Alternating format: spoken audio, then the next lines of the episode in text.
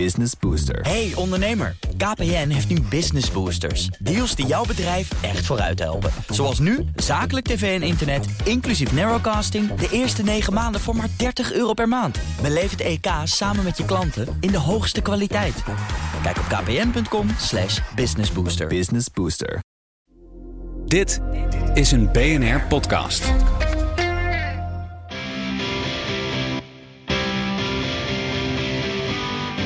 Terwijl Robert nog even overgehaald wordt om toch over te stappen naar een andere partij dan de VVD en de fanmail voor Kees binnenstroomt, beginnen wij gewoon lekker aan een nieuwe aflevering. Dit is Van Alle Markten Thuis. In deze podcast delen oud-collega's macro-econoom Kees de Kort en oprichter en directeur van investeringsmaatschappij Antea Robert de Boek hun inzicht in alle economische aangelegenheden. Met deze week. Kees eert in lijn met de kerstgedachte de 150 hulpverleners in Den Haag. Het lijkt wel een tv-format. Survival of the fittest in ondernemersland. Het is een zegen voor de overlevers. Robert zou in ieder geval kijken. En Kees vraagt zich af welke happy pills ze slikken bij de FED en de ECB. Want die inflatievoorspellingen zijn wel heel optimistisch. En daar houden wij niet van. Met een scherp afgestelde bullshitmeter fileren de Waldorf en Stedtler van de Nederlandse economie financiële trends en economisch beleid. Je kent onze verkiezingsbelofte. Gezellig gaat het niet worden. De moeite waard? Absoluut. Uh, welke organisatie kraamt, kraamde deze week de grootste onzin uit? De Federal Reserve of de ECB? Zo, Kees. Welkom aan alle luisteraars. Ja, welkom aan alle luisteraars. Uh, ja, sinds de toeslagenaffaire wordt uh, fraude getolereerd. Ter zake. Toch even beginnend weer met een politiek onderwerpje. Gisteren belangrijke keuze in de, in de Tweede Kamer, de voorzitterskeuze. En daar won uh, Bosma van de PVV met 75 tegen 66. Uh, ja. Even een vraag aan jou, Kees. Hoe, hoe duid je die uitslag en uh, dat proces? Nou, Wat betekent dat nou, voor de ik, formatie? Ja, nou, ik, ik duid het zelf niet zo, maar ik, ben, uh, ik heb gisteren een interview gelezen van Marian Zwageman met Maurice de Hond op Marian's YouTube-kanaal. En Maurice gaf eigenlijk een hele, hele goede duiding van wat er zou kunnen gebeuren naar aanleiding van die verkiezing. Kijk, dat, die formatie die nu in volle gang is, eigenlijk, hè, dat is ook, ook een kwestie van over drempels heen stappen, elkaar vertrouwen en elkaar dingen gunnen. En we weten allemaal, we weten, iedereen weet dat de PVV er niet echt bij hoort. Dus daar moet, moet een grote kloof overbrugd worden. En Maurice de Hond vertelde, die zei, ik denk dat als Martin Bosman ruim gekozen wordt, dan is dat van, van laten we zeggen, van de Tweede Kamer een signaal van, weet je wel, jullie horen er echt wel bij. En dat kan voor Wilders een reden zijn om te zeggen, nou, als de Tweede Kamer meer vertrouwen in ons krijgt, dan kan ik ook stappen zetten richting de Tweede Kamer, richting de partij met wie we onderhandelen. Dus de, voorspelling van van hond was, nou, als die, als Bart, hoe hoog, hoe beter de uitkomst van Bosma is, hoe meer het proces als het ware gefaciliteerd kan worden. Wil niet zeggen dat we eruit komen, want het verschil zijn nog steeds groot, maar in termen van vertrouwen en gunnen is dat een grote stap. Nou, gisteren natuurlijk die uitkomst. Ja, hij heeft gewonnen. Maar als je gewoon kijkt naar, hè, als je gewoon alleen al kijkt naar, naar, naar, de vier partijen die met elkaar in gesprek zijn.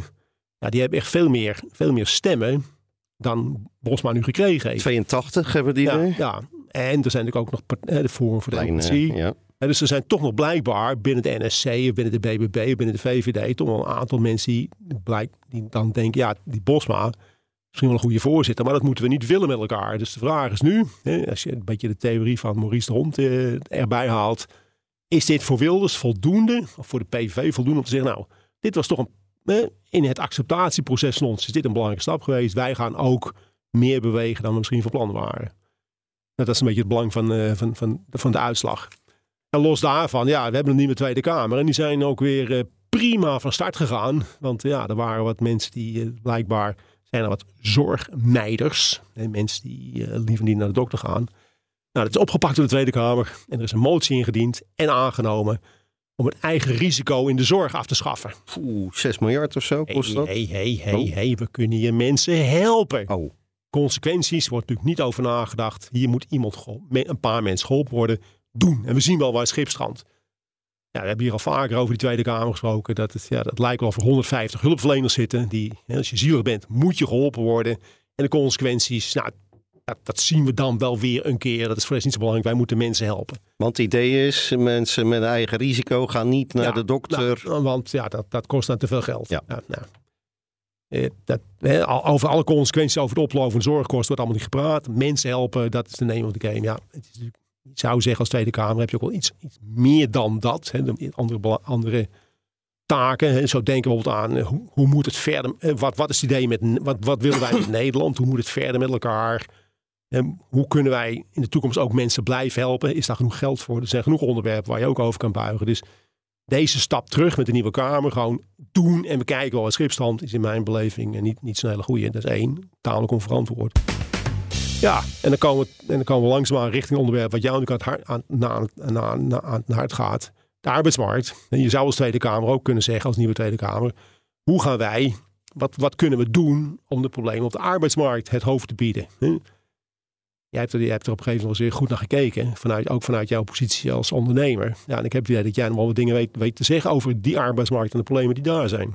Nou, dat viel me op van de week. Ik heb wel zeven, acht uh, artikelen in de kranten gelezen. Met als uh, grote rode draad, als probleem in, in het bedrijfsleven. En niet alleen in het MKB, waar wij als Antea actief zijn, maar ook bij het grootbedrijf. En dat is de krapte op de arbeidsmarkt. Dat wordt echt een enorm probleem en de belangrijkste belemmering voor groei voor bedrijven. Een collega van mij woonde van de week een, een, een seminar bij over fusies en overnames. Daar hield iemand een workshop over due diligence onderzoeken. En die zei, dat, dat was wel aardig. Die zei van ja, jullie als investeerders kijken altijd heel erg naar spreiding van klanten. En wat is het perspectief en wat is je afhankelijkheid van toeleveranciers. Maar het belangrijkste in de onderzoeken die je moet doen is hoe is een onderneming in staat om personeel te behouden en aan te trekken? En dan met name naar jongeren. Hij zegt als je, en nou, wij hebben laatst ook een bedrijf afgewezen. Ja, als je naar een bedrijf kijkt met uh, 30, 40 man personeel en je ziet een gemiddelde leeftijd van 57 jaar, dan denk je, ja, hier is iets goed mis. Die zijn niet in staat om jongeren aan te trekken. En hier gaat binnen vijf jaar een groot probleem ontstaan. Dus die, die krapte is een, is een groot probleem. Uh, nou, hoe kun je dat dan gaan oplossen? Want ja, wij zijn oplossen. Onze luisteraars, Kees, willen oplossingen. Ja, goed, wat ik net al zei, die Tweede Kamer. Die zou, kan de Tweede Kamer er iets aan doen? Zijn er maatregelen mogelijk waarvan jullie denken... Dat, dat zou een stap in de goede richting zijn. Ja, nou, dan, dan kan je inderdaad denken aan fiscale maatregelen. Want het grootste probleem is natuurlijk parttime werken. Ik heb hier wel eens een onderzoek van McKinsey genoemd. Als uh, een paar procent van de parttimers in de zorg fulltime gaat werken, is het te personeelstekort in de zorg opgelost. Nou, je zou dat fiscaal kunnen stimuleren door bijvoorbeeld te zeggen. Ja, mensen die parttime werken hebben een uh, belastingtarief van, ik noem maar wat, 50 procent. En fulltimers hebben een tarief van 40%. Ja, ik nou, gaat hel, een... nou gaat hel losbreken, Robert. Ik geef maar een, uh, een voorbeeld. Nou, nou gaat hel losbreken ja, in, ja, ja. In, in, vrouwelijk Nederland. Dat kan ik je wel vertellen. Nou, verder zou je uh, het, uh, het werken als ZZP'er zou je fiscaal kunnen ontmoedigen. Nu gaat dat overigens al deels, kijk, dat is kapitalisme. Kapitalisme is survival of the, fit, of the fittest. Nou kan je faillissementen heel erg vinden. Hè? Big Bazaar, Perisport, BCC een reeks van faillissementen. Het goede is, daarmee neemt de krapte op de arbeidsmarkt af. Snoeien is groeien. Dus de overlevers kunnen daardoor makkelijker aan personeel komen. Nou, datzelfde is ZZP'ers. Ja, in, als de werkloosheid gaat oplopen, dan, dan wordt dat toch meer, wordt er dat meer zelfstandige zonder perspectief die misschien de overstap naar gewoon weer een, een dienstverband makkelijker willen maken. Nou, maar als, als overheid kan je dat ook stimuleren door bijvoorbeeld het fiscaal stelsel voor ZZP'ers onaantrekkelijker te maken. Iets anders is als die werkloosheid gaat oplopen. Ik las vanochtend een, een verband tussen het ziekteverzuim bij bedrijven en werkloosheid. In een krappe arbeidsmarkt zie je het ziekteverzuim enorm toenemen. Dat zien wij in onze portefeuille ook. Hoe komt dat? Niemand hoeft zich zorgen te maken om zijn baan. Maar als jij je twaalf keer... Pleit jij nou voor economisch, eh, voor economisch problemen in Nederland... om ervoor te zorgen dat sommige bedrijven, dat jouw bedrijf weer aan mensen kunnen komen? Waar pleit ik voor? Economische problemen in Nederland... waardoor jouw bedrijf weer aan mensen kunnen komen? Nou ja, een, een, ja, wat ik zeg, survival of the fittest. Een vies mensgolf is een zegen voor de overlevers. Ja, dat is, dat is kapitalisme. Uh, nou, even terug naar de maatregelen. Pensioenleeftijd. Ja, jouw partij, Kees, wil de pensioenleeftijd verlagen. Ja, dat is natuurlijk desastreus voor die arbeidsmarkt. Verhoog dat. Ik las van de week, de OESO stelt voor Nederlanders straks met hun zeventigste met pensioen te laten gaan. Ik zie bijvoorbeeld in mijn omgeving mijn accountant, mijn fiscalist, mijn notaris hebben allemaal in de uh, statuten van zo'n bedrijf waar zij werken vaak uh, advocatenkantoren, accountskantoren staan, dat je op je zestigste eruit moet. Ja, dat is iets van de, van de vorige eeuw. Je laat heel veel kennis gaan, verhoogt dat naar 70 en je behoudt een belangrijk deel van je kennis binnen. Oké, okay, krap arbeidsmarkt. Maar zijn er meer, kun je dat uitsplitsen naar ongeschoold werk, geschoold werk, werk met handen, werk met computers, werken met je hoofd. Weet je, waar, waar is het breed? Is het overal? Of zijn er bepaalde segmenten van de arbeidsmarkt waar eigenlijk niet van aan de hand is? En een aantal segmenten van de arbeidsmarkt waarvan je zegt, nou, dan, moet, dan hangt de stormbal in de mast. Daar moet iets gebeuren. Want nou, dat is voor een beleidsterm natuurlijk een belangrijke, belangrijke variabele. Het is bijna overal. Tegelijkertijd las ik vanochtend dat bijvoorbeeld de personeelskrapte in de horeca heel sterk afneemt door de verhoging van de minimumlonen. Dus het is ook een kwestie van salarissen, met name aan de onderkant van de markt. Als je daar beter gaat betalen, dan wordt het makkelijker om mensen aan te trekken. Los van het feit las ik dat mensen na corona weer terugtrekken naar de steden. We hebben natuurlijk een ontvolking hier gezien in Woke City tijdens coronatijd. Uh, het was hier uitgestorven, waardoor je ook nauwelijks aan personeel kon komen. Nou, die jongeren komen weer terug naar de steden, waardoor het makkelijker is. En horeca zit vaak in de grote steden om daar aan personeel te komen. Maar het zal ook een kwestie zijn van salarissen verhogen. En ik las ook hier van de week FD, groot bedrijf, loongroei mag ten koste van de winst gaan. Want ja, het is duidelijk, als je meer salaris moet gaan betalen, ja, dan moet je op de koop toenemen dat je winst omlaag gaat. Je kunt, natuurlijk ook, je kunt ook zeggen, nou, we gaan minder groeien. Ik, ik snap dat in, jou, in, jou, in, jou, in jouw wereld is dat natuurlijk vloek in de kerk. Gewoon zeggen, we gaan minder groeien. Maar als je gewoon zegt, we, we, we, wij zetten even onze ambities, onze groeiambities naar beneden. We, we accepteren gewoon misschien wat krimp in ons bedrijf. Dan heb je ook minder mensen nodig. Dan, dan wordt het probleem ook kleiner. Ja, nee, dat is, dat is het paard achter de wagen spannen. Kees, ik heb uh, Antea heeft 16 bedrijven. Ik zie nou niet dat ik in de budgetbesprekingen die we net gehad hebben voor het komend jaar, dat ik 16 keer te horen krijg. We gaan even wat minder omzet draaien, want ik kan niet aan personeel komen. Nee, dat is ondernemerschap. Dan moet jij maar zorgen dat jij het zodanig inricht, bijvoorbeeld door cultuur als jij een, een zodanige cultuur weet te creëren dat jij het beter doet dan je concurrenten, kan je mensen aantrekken en behouden. Uh, ja, dan moet je het maar beter uh, doen dan, uh, dan je concurrentie. En accepteren van ja, we moeten maar even wat minder groeien. Of, of zelfs daling, want ik kan niet aan personeel komen. Ja, ja dan heb je de verkeerde ondernemer op, de, op de box maar goed, ik, ik noemde net de overheid. Hè. Wat, wat, zou, wat zou Den Haag kunnen doen aan, aan, aan het oplossen van het personeelsprobleem. Jij noemt dan fiscale regelingen. Nou, dat, dat is een ding wat ze natuurlijk makkelijk kunnen. Maar zie, zie jij nog andere nou mogelijkheden wat, wat, wat men in Den Haag kan doen om dit probleem als het ware het hoofd te bieden? Nou ja, ik noemde er al een paar. Die pensioenleeftijd, arbeidsmigranten aan de onderkant van de markt. Ja, we kunnen wel roepen we willen minder arbeidsmigranten. Ja, aan de onderkant van de markt hebben die toch nodig. Zeker in het kader van vergrijzing. Om aan die behoeften te voldoen. En het zit soms ook in hele kleine dingen. Bijvoorbeeld bij mij in de wijk, een aantal jaren geleden, betaald parkeren ingevoerd. En dat klinkt uh, iets kleins, maar voor sommigen is dat wel echt een probleem. Nou, is er een voorlichtingsbijeenkomst van de gemeente. En dan hoor ik een directeur van een school zeggen van ja, dit is een groot probleem. Want ik kan geen personeel meer aantrekken, want die mensen verdienen al niet zoveel. En die moeten hier dan betaald parkeren de helft van de dag gaan krijgen.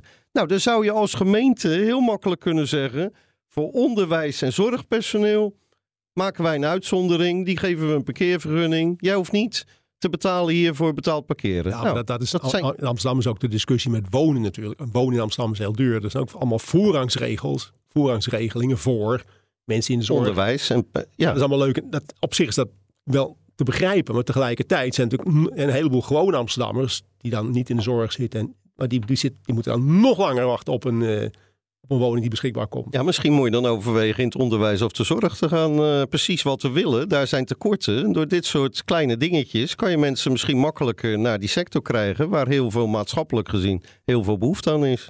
Nou, het zijn maar wat ideetjes. De luisteraar kan hierover na gaan denken, Kees. Als de luisteraar nog suggesties heeft, kunnen ze dat natuurlijk altijd uh, insturen. Geen bagger van... Uh, uh, die de boek, uh, het kraamt onzin uit. En ook geen fanmail voor Kees, want daar krijg ik een minderwaardigheidscomplex van. Dus dat hoeft allemaal niet. Maar vragen of suggesties, nou ja, die horen we graag. Laat zo zeggen, dit zal zeker niet de laatste keer zijn dat we het hierover gaan hebben. En ik schat dat we daar de komende maanden wel een paar keer op gaan terugkomen. Oh, ik dacht dat we fanmail kregen voor Kees. Dat loopt wel echt over. Uh, redactie.bnr.nl is ons e-mailadres. En je zou ook op Spotify in de reacties iets kunnen zeggen.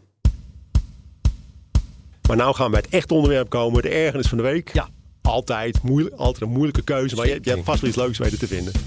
Nou ja, mijn grootste ergernis van deze week was natuurlijk de VAR bij Ajax Sparta. Maar daar gaan we het niet over hebben. Maar ja, die, die VAR, zeker als een Makkeli een wedstrijd leidt, de grote Makkeli, dan durft zo'n no-no als VAR niet Makkeli naar het, beeld, naar het beeldscherm te roepen om te zeggen, er heeft... Er heeft een Ajax ziet nagetrapt. Maar nee, we gaan terug naar. Oh, ja. ja. we zijn van alle markten thuis, Kees. dus dat eh, onderwerp, die naam is ook zo breed gekozen dat we het overal over mogen hebben. Dit soort privé-obsessies, daar, moeten we, daar moeten we vanaf Ja, zeker. Maar wat, uh, de volgende ergernis. Ja, artikel in het NSC. Uh, eh, een vermeende fraude bij de gemeente Rotterdam. Wat is daar aan de hand? Daar wordt de Doelen, Concertgebouw de Doelen wordt verbouwd. Daar wordt uh, Boymans van Beuningen, het museum wordt verbouwd. Nou, dat zijn projecten van honderden miljoenen. Daar is een projectleider Ruud, zijn achternaam werd niet genoemd. En die blijkt 66 asbestopdrachten verleend te hebben aan één bedrijfje in Limburg. De aanbestedingsregels zijn niet nageleefd. Dat goedkeuring moeten plaatsvinden, want de directie niet gebeurt. Nou, dan gaat uh, NSC onderzoek doen naar dat bedrijfje, Lions Brokery. En schrik niet, die hebben geen website, geen kantoorpand en geen werknemers. Ze komen uit bij een wit geverfd huisje in een rustige woonwijk in Echt. En de eigenaar is Beb Geurts, 82 jaar oud. nou, Stadsontwikkeling Rotterdam is haar enige klant. Ze heeft geen technische kennis. En als zij gevraagd wordt waarom huurt Ruud jou in voor deze opdrachten, antwoordt ze: dat moet je maar aan Ruud vragen. Nou, dat geeft al wat vraagtekens. Dan is er ook nog een bedrijfje in uh, aan de IJssel, volgens mij een sponsor van Sparta. Installatiebedrijf Rodenburg. Nou, die heeft uh, eh, 26 opdrachten van Ruud gekregen. Onder andere een opdracht in 2019 voor de doelen van 2,5 miljoen euro. En wat blijkt, dat installatiebedrijf heeft voor 2,5 ton geïnvesteerd in een bedrijfje van Ruud. En dat bedrijfje houdt zich bezig met voetbalmakelaardij en talentbegeleiders. Nou, ik denk niet dat het enig talent voor Sparta heeft opgeleverd. Maar uh, ja, 2,5 ton geïnvesteerd. En in het jaarverslag van Rodenburg zie je dat dat een jaar later gelijk wordt afgeboekt naar nul, omdat de realiseerbare waarde van de belangen niet heel is. is, nou. is, nou niet, kan het verhaal niet duidelijk maken hoe dit heeft kunnen gebeuren? Want er moeten natuurlijk mensen van geweten hebben. Dat kan nou, niet anders. Dat is het ergste. En in 2016 is er al een fraude geweest bij de gemeente Rotterdam voor totaal 7 miljoen. Toen zijn de procedures aangescherpt. Diverse ambtenaren bij de gemeente kaarten dit aan bij de directie van zowel de afdeling vastgoed als de afdeling stadsontwikkeling. Nou, directeur vastgoed is Carlo Schreuder en de hoogste baas van standontwikkeling is Hermine van Boksmeer. Nou, die ambtenaren kaarten dat aan en die zeggen, ja, wat is hier aan de hand? Dat is toch wel heel erg raar. En dan reageert directeur Schreuder geïrriteerd op de vraagtekens van de ambtenaren. En hij zegt in mails die uh, in bezit zijn van NSC: Het is niet jullie taak en rol om opdrachten te controleren op de oninhoud. Jullie hoeven niet na te gaan of bedragen reëel zijn. En zijn boodschap: vastgoed mag ze zich voortaan niet meer mee bemoeien. Dat geeft alleen maar ruis. En of ze voortaan heel voorzichtig willen zijn met het gebruik van het woord rechtmatigheid. Nou, dus wat gebeurt er? De klokkenluiders zijn ook voorbeelden. NSC noemt twee mensen die op de compliance afdeling van de gemeente werken, wiens contract niet verlengd wordt, omdat ze te kritisch zijn. Te kritisch op een afdeling compliance. Ik begrijp er helemaal niks van. Ja. dit is bij de, bij de B-staff. Hier, dit moet tot op de bodem nou uitgezocht worden. Na, pas na aanleiding van het NSC-artikel is Ruud geschorst. Dus er wordt nu onderzoek gedaan. En als uit dat onderzoek blijkt dat dit reëel is, dan moet ook die directie moet onmiddellijk zijn biezen pakken. Nou Want dit kan niet dat dit getolereerd wordt. In Nederland hebben we natuurlijk het Huis van de Klokkenluiders. Hè? Binnenlandse, de minister, ministerie van Binnenlandse Zaken heeft, een, heeft als het ware een hele aparte organisatie. En, en een wet bescherming klokkenluiders en het huis van de klokkenluiders. Dan zou je toch zeggen, 1, ja, 1, 2, 1, 2 deal. Ja, nou, ik... hebben, wij, hebben wij enig idee van wat er gebeurt in het huis van de klokkenluiders? Ik kwam namelijk naar aanleiding van jouw verhaal, ben ik nog eens kijken.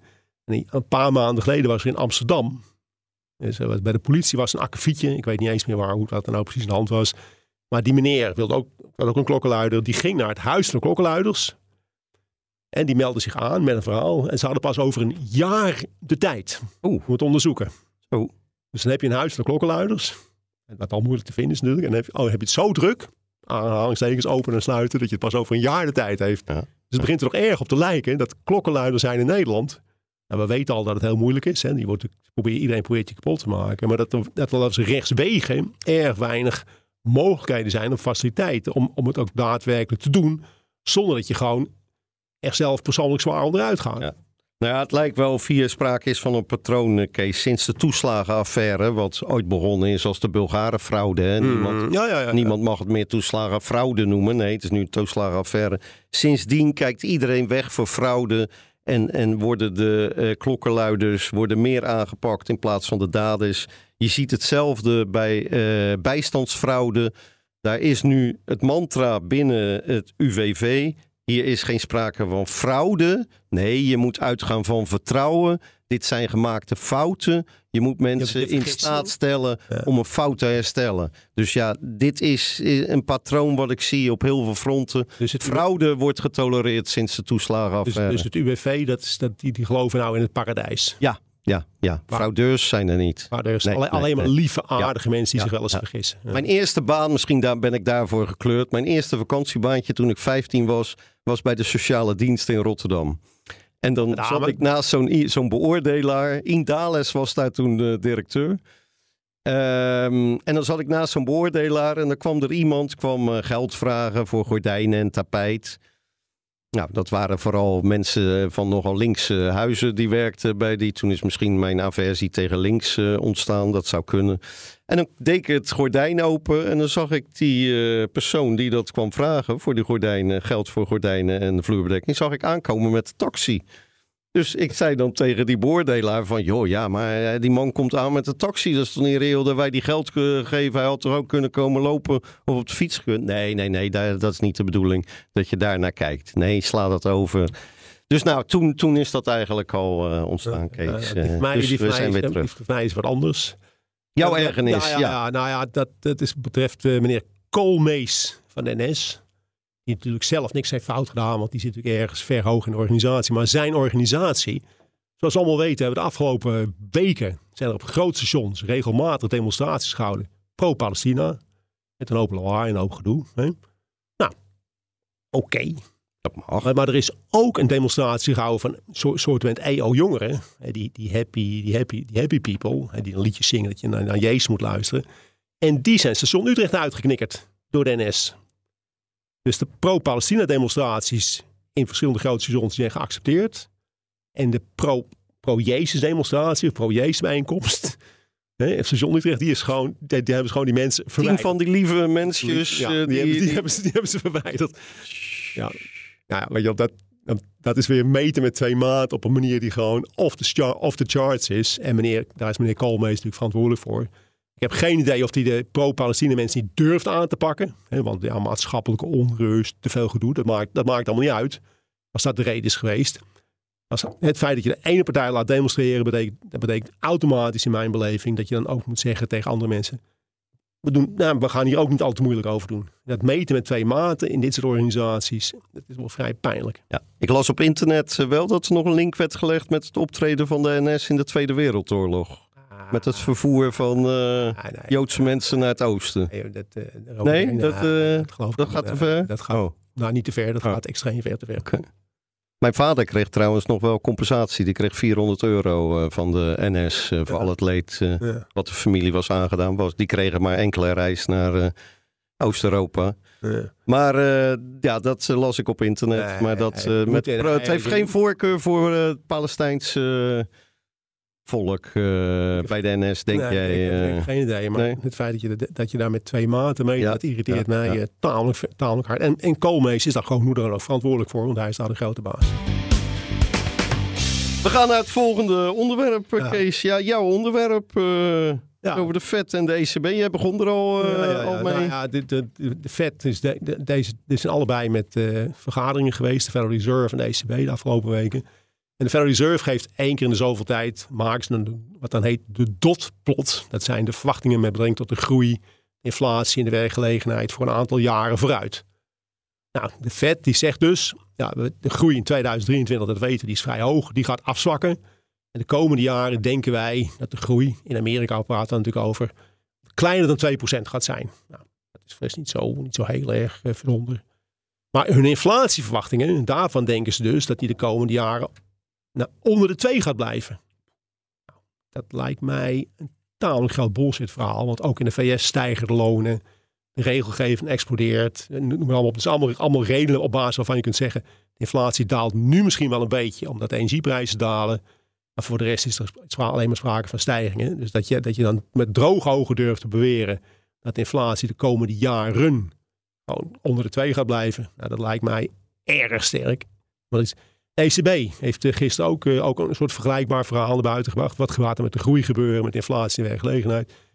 Nou, de, ECB, de, groei in Europa is nu extreem laag. En dus tegen de nul. Nou, dat, dat gaat dan misschien, als alles een beetje mee zit, iets hoger worden de komende jaren. Maar ook de ECB denkt dat de inflatie gewoon nog verder omlaag gaat. En behoorlijk omlaag gaat. En ook daarvan, ja, ik heb geen idee wat die mensen denken, Robert. Maar als ik om me heen kijk en ik gewoon kijk naar de maatschappelijke ontwikkelingen, en economische ontwikkelingen en financiële ontwikkelingen, dan denk ik niet dat de inflatie erg laag gaat worden. Dat, dat lijkt me erg sterk. Dus, wat, dus ja, tenzij dat, dat organisaties allebei denken dat de komende drie, vier jaar er nergens in de wereld ook maar iets gaat tegenzitten. En dan nog denk ik dat het, dat uh, niet gaat gebeuren. Maar zou je toch zeggen, ja, weet je, waarom komen ze nou met deze totaal ongeloofwaardige vragen? Dus om terug te komen op mijn eerste opmerking, toen we de uitzending mee begonnen, wie, wie nou de grootste onzin uit? Het is een keiharde wedstrijd. Nou, dan denk ik, ja, een gelijkspelletje. Maar het is, uh, het is niet best hoor. Dat je, dat je, dat je, dit, dat je, als, dat je als grote, maatschappelijk grote organisatie met een grote verantwoordelijkheid, met totaal onzin uitkraamt. Ja, dat, dat geeft er wel zwaar te denken over hoe we naar die bedrijven, hoe we naar die organisatie moeten kijken. Nou ja, jij hebt ze wel als beroepsoptimisten genoemd, Kees. En ja. aansluitend bij ons uh, vorige onderwerp, ja. de krapte op de arbeidsmarkt. Ja, je ziet natuurlijk een opwaartse druk op die lonen ontstaan. Je ziet het in alle eisen. Er dreigen nu weer treinstakingen. Ja. Want uh, de bonden willen 10% ja. en er wordt 3,8 geboden. Ja. Het zijn de lonen, het zijn de, energie, de energietransitie, hoge energieprijzen. Het is de regelgeving die het alles duurder maakt. De rente loopt op. En dan zou de inflatie heel ver, helemaal heel ver teruglopen. Ja, weet je, ja, ik weet niet wat, wat, wat er in het water zit daar in Frankfurt en in Washington. Maar het is niet goed voor, het is, laten we zeggen, niet goed voor de geloofwaardigheid. Het punt, Robert, geloofwaardigheid speelt natuurlijk een hele belangrijke rol. Als je niet meer geloofwaardig bent, wordt je effectiviteit ook kleiner. En dat, dat is natuurlijk het grote gevaar voor al die organisaties. Je kunt wel zeggen, we, roepen een beetje, we gaan een beetje ons uitkramen, maar bij de mensen die gewoon zelf nadenken, ja jongens, jullie zijn niet geloofwaardig meer. Dus ook andere uitspraken voor jullie gaan we gewoon, die nemen we ook niet al te serieus meer. Dat is hier, dat is hier het grote gevaar van het verhaal. Ja. Heren, hebben jullie nog tijd voor één uh, luisteraarsvraag? Van de naamgenoot van Kees? Waar, uh, hij vraagt namelijk, wat moet de middelmaat, hè, max 40k, nu doen? Beetje beleggen in aandelen, goud, vastgoed, bitcoin. Ik doe van alles wat. Maar waar doe je nou goed aan volgens jullie? Nou, Kees, als een ware uit, eh, messias, kom maar door. Kees, kijk uit met je beleggingstip hoor. ja, Even het zijn, dis- eh, beleggingstips eh, bieden geen garantie voor de toekomst. eh, dat soort dingen. Nou ja, ik zou willen voorstellen, Kees, eh, deze luisteraar Kees, even te verwijzen naar onze eindejaarsuitzending. Die is over twee weken. Is een mooie teaser. Eh, Volgende week is de laatste reguliere uitzending van, eh, van dit jaar. Want? Dan hebben we eh, de, we hebben de, negen- dat is tot de 29e bezadigd. Ja, maar de 29e hebben we een special, Kees. Dan gaan we vooruitblikken naar Maar- maar- maar 2024. een special? Want er is een goede reden voor. Jij neemt de luisteraars niet zo serieus dat je er gewoon elke week wil zijn. Nou, Jij moet op vakantie. Het is niet live, dat geef ik toe. De 29e ben ik niet. Dan dreigt Extension Rebellion ook hier de Ja, A10 eh, te, te, Dus jij hebt je koffers gepakt. te boycotten. Ik heb mijn koffers al gepakt.